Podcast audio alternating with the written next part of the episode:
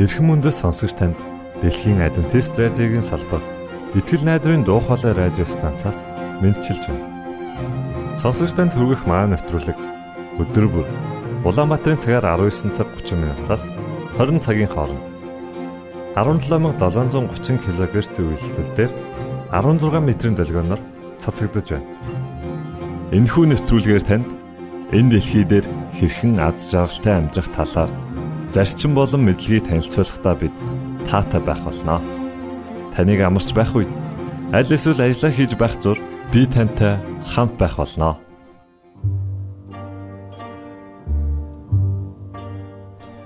Энэ удаагийн нэвтрүүлгээ бид Silent Night хэмээх дуугаар эхлүүлж байна. Харин үүний дараа X үзлэл нэвтрүүлгийн цуврал дугаарыг хүлээн авч сонсноо. Ингээд хөгжмөдөө артн Thank you.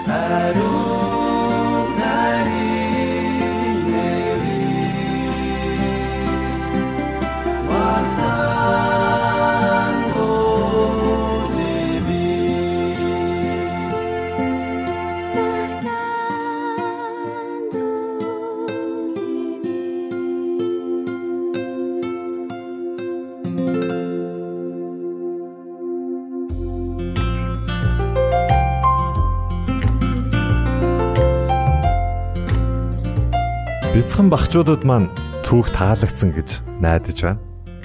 Ингээд та дараагийн нэвтрүүлгээ хүлээн авч сонсноо.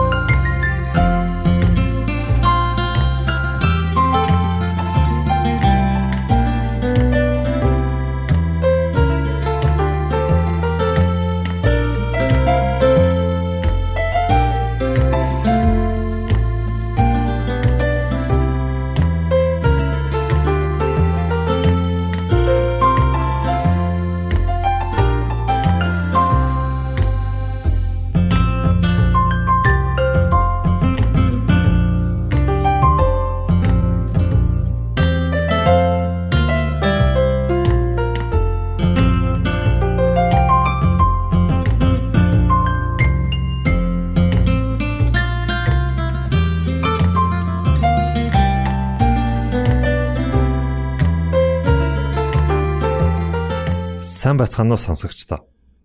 Өөрийгөө байлдан дагуулагч болгон хөгжүүлэх цуврал нэвтрүүлгээр эргэн уулзж байгаадаа баяртай. За энэ удаагийн бидний зарчим бол лифтэн зарчим.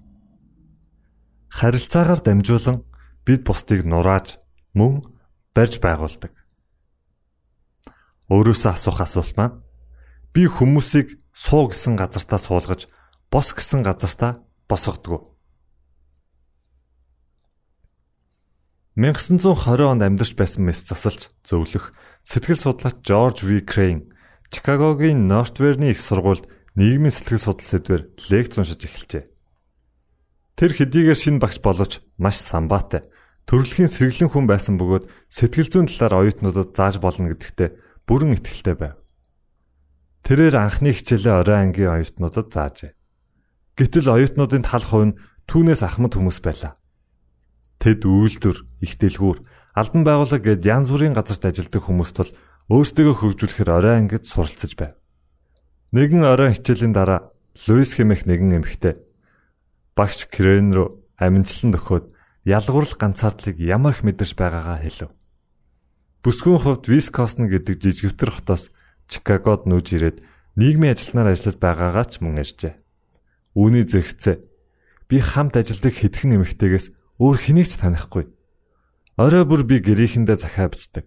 Өдөр бүр л би найзуудаасаа мөн хайртай хүмүүсээс захаа ирэхийг тесэн ядан хүлээдэг. Хэмээн уутгартай наргагүй сэтгэлээ хуваалцжээ. Шин төрлийн клуб. Крем багш Луисын асуудлыг маш нухацтай авч үзсэн төдийгүй урамшууллын клуб эхлүүлэхээр шийдэж улмаар дараа 7 хоногт орой ангидаа зарлжээ. Ингээ клубдээ хамгийн ихэнд хэрэгжүүлж болох алхмуудыг оюутнуудад хараан өгтөө. Та сэтгэл судлалыг өдөр бүр гэртээч, ажил дээрээч, автобусанч машин гээд хаасаагүй хэрэглэж байдаг гэж хэлв. Багшийн тараа өгсөн урамшууллын клубын дүрмийг харуул. Өдөр бүр та 3 хүнд урмын үг заавал хэлж байх хэрэгтэй. Хэрв та хүсвэл хүмүүсийн тоог нэмж болох боловч хичээлээ үр дүнтэй хийхин тулд доод тал нь 3 хүнд 1 сарын турш урамшууллын үг хэлэх ёстой. Улмаар сарын дараа нэг хуудас цаасан дээр эргэн тойрныхоо хүмүүсийн өөрчлөл мөн онцгойлон өөрийнхөө амьдрал гарсан үр дүн туршлагыг бичих нь маш чухал гэсэн байжээ. Зарим оюутнууд энэхүү даалгаврыг эрс эсэргүүцэв. Гэтэл нөгөө нэг хэсэг нь ийм юм гэж хаана байдаг юм бэ гэж уурсаж байхад зарим нь эсэргүүцэхээс эмээсээ янзтай байв. Бүр зарим нь дургүй хүнээ урамшуулна гэдэг бол ёстой тэнэг хэрэг гэж үзэж байлаа. Гэтэл нэгэн ир та өөрийнхөө дургүй хүнтэй уулзна гэж бодоод үзэлтэй. Түүнийг хуурамчаар магтана гэсэн үг үү гэж асуухад Крейн Үгүй ээ. Яалаа гэж тэгэх вэ? Дургүй хүний хурамчаар урамшуулна гэж ойлгож болохгүй гэж хариулаад. Урамшуулна шудраг мөн чин сэтгэлээс тухайн хүний сайн талыг нь зохистойгоор магтаж сайшаахыг хэлж байгаа юм гэжээ. Үүнийг хийхдээ хинч гавьяа шагнал ямар нэгэн ашиг харалгүйгээр хийх ёстой. Таны магтаал ганцаардан гониглож буй хүн зовлон бэрхшээлдээ цохирсон нэгэн Урам зориг нь мохсон хүмүүст хамгийн сайн тусламж болох болно. Урамшуул таны амьдралын утга учир алдсан тэр нэгэн хүнд ямар их ихтгэл найдвар бэлгэлхийг та мэдэхгүй шүү дээ гэж үргэлжлүүлв.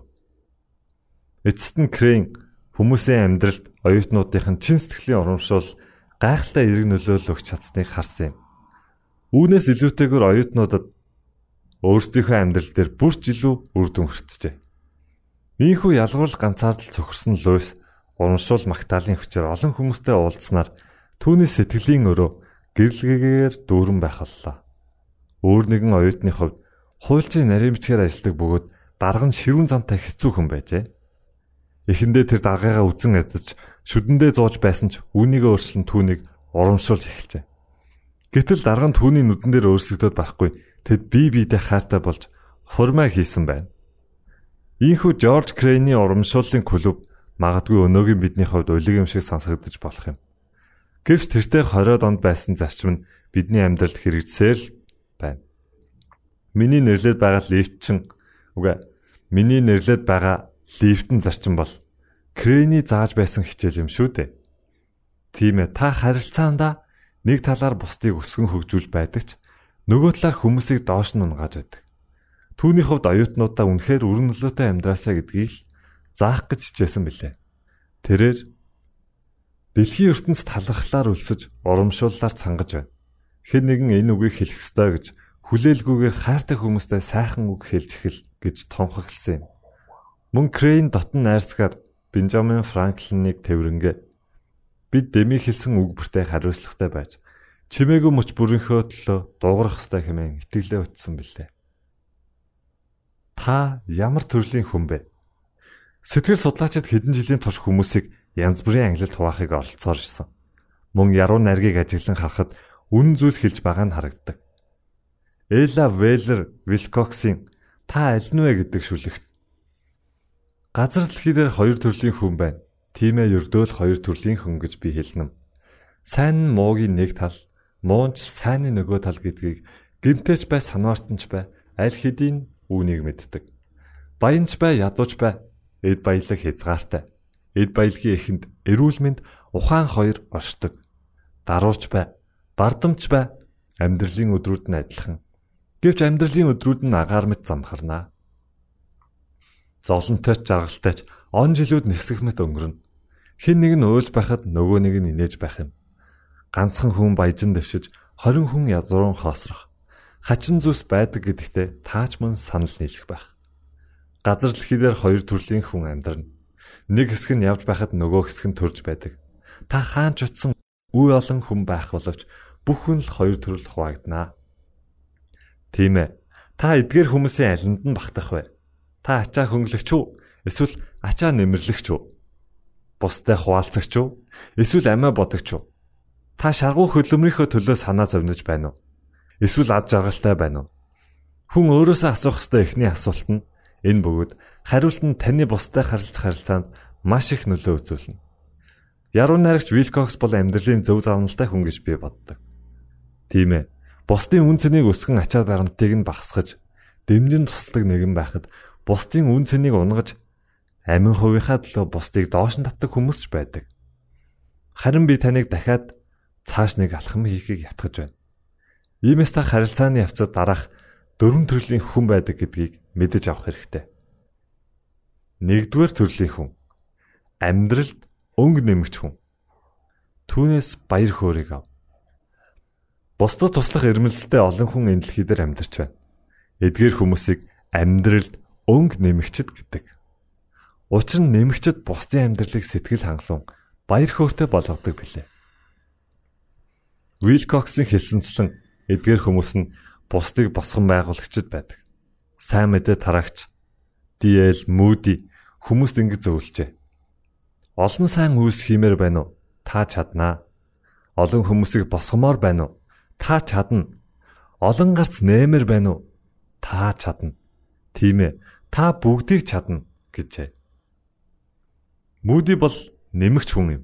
Нэмэгч нь үргэлжлэх хүмүүсийг урамшуулан зоригжуулдаг. Ийхүү бусдын үн цэнийг мэдрүүлэн өсгдөг хүмүүс маш цөөхөн байдаг гэж би боддог. Миний хувьд л ихэд тэдний нэгэн адил нэмэгч болох гэж байдгаараа л чармаа хичээсэн. Тиймээс ч би бусдыг хайрлан тэдэнд туслахыг хүсэж мөн тэдний анд найз байхыг эрмэлздэг. Саяхан нэгэн том корпорацийн удирдлага намайг байгууллага дээр сургалт хийлгэхээр урлаа. Сургалтын дараа тэрээр үнэхээр сэтгэл хангалуун болсон төдийгүй гүйцэтгэх захирлууд менежерүүдийнхээ сэргсэн байдлыг хараад надад ямар нэгэн сайн зүйл хийж өгөхийг хүслээ. Тэгээд "Жон, бидний төлөө хийсэн зүйл чинь би их сэтгэл хангалуун байна" гэсэн яриагаар бидний бүтэн өдрийн уулзалт өрнөлөө. Дуусгын алдад тэрээр "Би чиний төлөө юу хийж өгөх вэ?" гэж надаас асуулаа. Тэгтэн би "Юу ч хийх хэрэггүй" гэтэл "Үгүй дээ, алив хэлээч. Хүн бүр ямар нэгэн зүйл хүсдэг шүү дээ. Чи чухам юу хүсэж байна вэ гэхтэн би "Хүн бүр жинхэнэ найз хэрэгтэй биш гэж юу? Үүнээс өөр эрхэм зүйл гэж хүний амьдрал байх уу?" Би тантай жинхэнэ найз байхыг хүсэж байна гэж хэлж дуусаагүй байтал тэрээр nog nog инээсээр за тэгвэл жинхэнэ найз болцгоё гэж хэллээ. Зохиолч Франк Тайгер жинхэнэ нөхөрлөл бол сонсох чих тусламжийн гав бусдыг ойлгох зүрх сэтгэлийг хэлдэг гэж тодорхойлжээ. Үүнийг л би найздаа өгөх болно. Хэдэн жилийн өмнө Зэхүү Трой маань коллеж төгсөөд барьцаалан зээлдүүлэх компани ажиллахаар болж бид хоёртой хэсэг хугацаанд хамт амьдрах болсон юм. Зэхүү маань их ухаантай хичээл зүтгэлтэн дээр амжилтад хүрэх эрмэлзэл өндөртэй байлаа. Тиймээс бид хоёр түн туслахыг хүсэж хідэн зөвлөмж өгөхөөр шинэ ажил дээр нь очив. Тэгээд дараах зүйлсийг санал болголоо. Илүү ихийг хүлээж байгаа бол эрт очиж орой тар. Ажил дээрээ 30 минутын өмнө ирж өдрийн хоолндоо хагас цаг зарцуулж ажил тарсны дараа дор хаяж 30 минутын дараа явж бай хамт олондоо тусламж үзүүл. Өдөр бүр хамт ажиллах хэвээр ямар нэгэн тусламж үзүүлж бай. Учир нь хамт ажилладаг хүмүүсийнхээ үн цэнийг өсгөж байвал багийн чинь үн цэн дагаад өсөх болно. Илүү холыг харахыг санал болов. Дарагтайгаа уулзаж хийж дуусгах хэвээр ямар нэгэн ажил байвал сануулж бай. Чамд хар бор ажил юм шиг санагдсан ч хэдэн цагийн дараа байсан ч амралтын өдөр байсан ч сануул. Дээрх зөвлөгөөгөр би Тройд хэрхэн амьдрал нэмэгч хүн болохыг зааж байсан хэрэг. Трой хамт ажиллагчдынхаа үн цэнийг нэмэгдүүлснээр маш их үнэлэгдэн сайшаагдаж улмаар 30 насныхаа төрсөн өдрийн босгон дээр байгууллагынхаа дээд тушаал дэвшсэн юм. Хоёрдугаар төрлийн хүн амьдралаас өнгө хасагч хүн. Түүнд төвчээртэй ханд. Жүжигийн зохиолч Уильям Шекспирийн Julius Janjin хэмээх жүжигийн Chaosis жинхэнэ анд гэдэг найзынхаа сул дорой туслан зовлон нь үүсдэг нэгнийг хэлдэг юм. Харин Брутис жинхэнэ анд шиг байж чадсангүй гэж шүүрс алдсан байдаг. Энэ бол хасаж байгаа хэрэг. Хасагч нь бусдын хүнд хэцүүг үүрлцдэггүй хэрнээ амьдралыг нь улам бүр бэрх болгож тэрч байтугай бусдын гарах гарцыг хүртэл хаадаг байна. Хамгийн харамсалтай нь хасагч нь өөрийгөө ингэж байгаагаа огт мэддгүй л байдаг. Хэрв та бусдын амьдрал хэрхэн нэмэгч хүн байхаа мэдэхгүй бол та хасагч хүн байж магадгүй. Хүн харилцаандаа бусдаас авах нь амархан ч харин өгнө гэдэг нэлээд хэцүү. Аливааг барьж байгуулах, нураас сүйтгэхийн хооронд ялгаа их бий.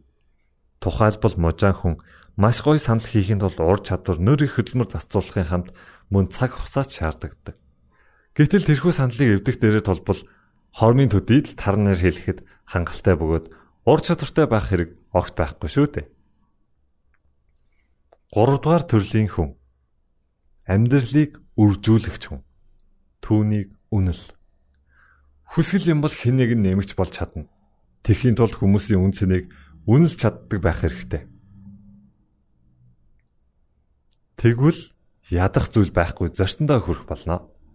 Жорж Крейн оюутнуудаа заахыг хэрхэн оролдож мэрэж байсан шиг л хийх хэрэгтэй. Үүгээр зогсохгүй харилцааны дараагийн төвшин гарыг гэвэл үржүүлэгч бол. Өөрөөр хэлбэл илүү их авьяас чадвартай, илүү их нөөц бололцоотой, илүү их чадам чадамжтай байхыг хүсэж байгаа бол та үржүүлэгч болох ёстой гэсэн үг. Ингэснээр та илүү их үр нөлөөтэй болж бодлоготой, ур чадвартай болдог. Би их азтай хүн. Яагаад гэвэл миний амьдралд маш олон үржүүлэгчд байдаг. Надаас илүү их үр бүтээл олж харахыг хүсдэг тэдгэр хүмүүсээс дурдвал Тод Данкен, Рик Гоуд, Том Милнс нар блэ. Тэд үнэхээр бусдыг гэсэн зүрх сэтгэлтэй эрчүүд. Төдийг өөрсдийн талбар дээрээ шилдэгүүд бөгөөд маш үнцэнтэй хамтрагчтан юм. Учир нь тэд үргэлжлэл агуу санаандаар дүүрэн байж өөрчлөлтийн төлөө дүрлэлсэн гал шиг зүтгэдэг. Мөн миний алсын харааг хурцлж миний хүчийг хамгийн дээд хэмжээ хүртэл өсгөхөд тусалсан хүмүүс билээ. Тэд бол гал дамжуулагчд юм. Таны амьдралч мөн ийм хүмүүс байгаа гэдэгт надад эргэлзэх зүйл алга. Тэд таныг илүү үр бүтээл гаргахад тань тусалж уур чадвараа өсгөн ураг шалгахчин дэмждэг байх. Хэрв таны амьдрал үнэхээр ийм хүмүүс байгаа бол яг одоо жаахан зогсол хийнэ. Тэгээд тэдгэр хүмүүс рүү уцтах эсвэл захаа бичих цагийг гаргаад таны амьдралд ямар их үнцэнтэй чухал хүмүүс болохыг заавал хэлж өгөөрэй. Дөрөвдүгээр төрлийн хүн. Амьдралыг хуваагч хүн. Түүнээс болгоомжл. Ли Торнин автомат хөдөлгүүртэй олон төрлийн багаж бүтээсэн зохиогч бөгөөд түүний компани модель G нэртэй нэгэн төрлийн хосуур гаргажээ. Нэг удаа үйлчлүүлэгч худалдагчаас модель G хэр зэрэг хүчин чадалтай мөн хэр зэрэг чанартайг нь асуужээ. Гэтэл худалдагч Жи бол хийх хоосон цуу ярианаас цаашгүй дээ. Маш хөр маш хурдан хөдөлдөг учраас хоромхон зур их хэмжээний тоос буцаадаг гэж хариулв. Тийм ээ. Хуваагчд бол таныг газар дор ортол муулдаг хүмүүс юм. Өөрөөр хэлбэл тэд таныг аажмаар унган дараа нь өөрийн хийх гэсэн зүйлээ таны 10 ударгаар хийдэг гэсэн. Жишээ нь нэгэн компани ерөнхийлөгч өөрийн доод албан тушаалын захиралдаа байгууллага дотор хурдан шалмаг ажил хэрэгч Бусдыг манлайлагч нэг нэг хайж олоод хурдан ажиллаас нь хал. Тэгэхгүй бол миний байр суурийг булан авч магад гэж хэлжээ. Тэгэхээр хуваагч хүн яг энэ удирдлагатай адилхан байдаг. Учир нь хуваагч хүн маш их аюултай бөгөөд тэрээр хасагч хүнтэй адилгүй юм. Түүний сөрөг үйл санаа бодлон цаана маш том зориг агуулдаг. Тэд маш их шахалж өсөгсөн хүмүүс байдаг тул бусдыг зовоон шаналгаж байгаагаараа илүү таашаалыг мэдэрч байдаг. Ингэснээр хүмүүсийн амьдрал цөөрл авчирч Тэдний харилцааг эвдэн нурааж байгаа нь тэдний ажлын үр дүн юм. Бусдыг урамшуулан босгон байгуул. Хүн бүр тэр байтугай сөрөг хандлагатай хүн хүртэл хэн нэгний босгон байгуулах хүсэлтэй байдаг. Энэ миний үзэл бодол төдийгүй үүндээ би гүн итгэдэг лээ. Бид бүгдээрээ л бусдын амьдрал сайн нөлөө харуулахыг хүсдэг шүү дээ.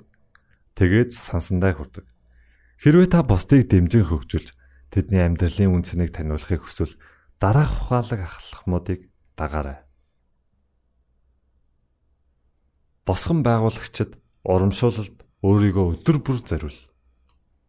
Философч Люциус Аннаус Сенека хэлэхдээ хүн төрлөختөнд бие биедээ элгэсэг сайхнаар хандах бүрэн боломж өгөгдсөн гэв.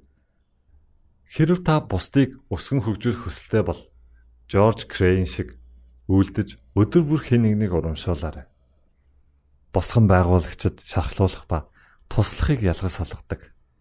Өдөр бүр бусдаас илүү их нөлөөлөх жижиг зүйлийг ч гэсэн бодож олж инээхэд ярвахтай адил хүч ордог бол ээлдэг үг хэлэх нь хахир хатуу үгнээс илүү дээр билээ.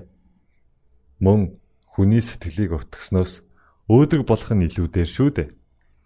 Та өнөөдөр хийж байгаа үйлсээр хэн нэгний амьдралыг илүү сайн болгож эсвэл илүү мууч болгох хүчтэй.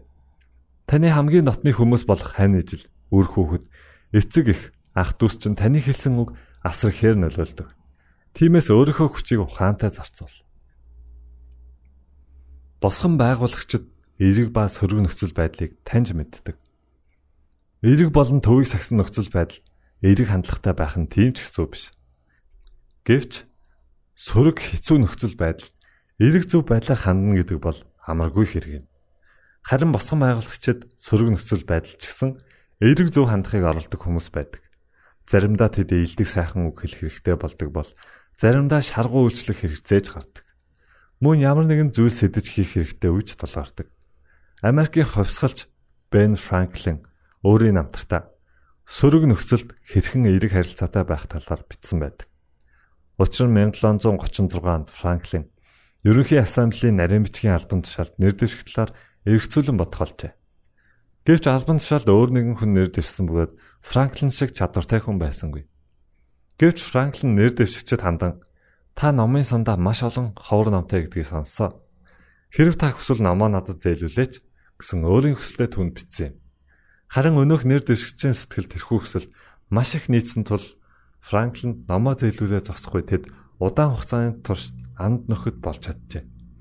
Энэ амтраас харуул Франклин эерэг болон сөрөг нөхцөл байдлыг таньж мэддэг нэгэн байсан юм. Учир нь нэг албан тушаал өрсөлдөн гэдэг нь хоёр хүн хоорондоо дайсагнах бүрэн боломжтой байлаа. Босхон байгуулагчид амьдрал гэдэг амаргүй даваа гэдгийг мэддэг. Хүн энэ дэлхийдээ ганц удаа л амьдрна. Энэ үгийг би иш татан хэлэх дуртай.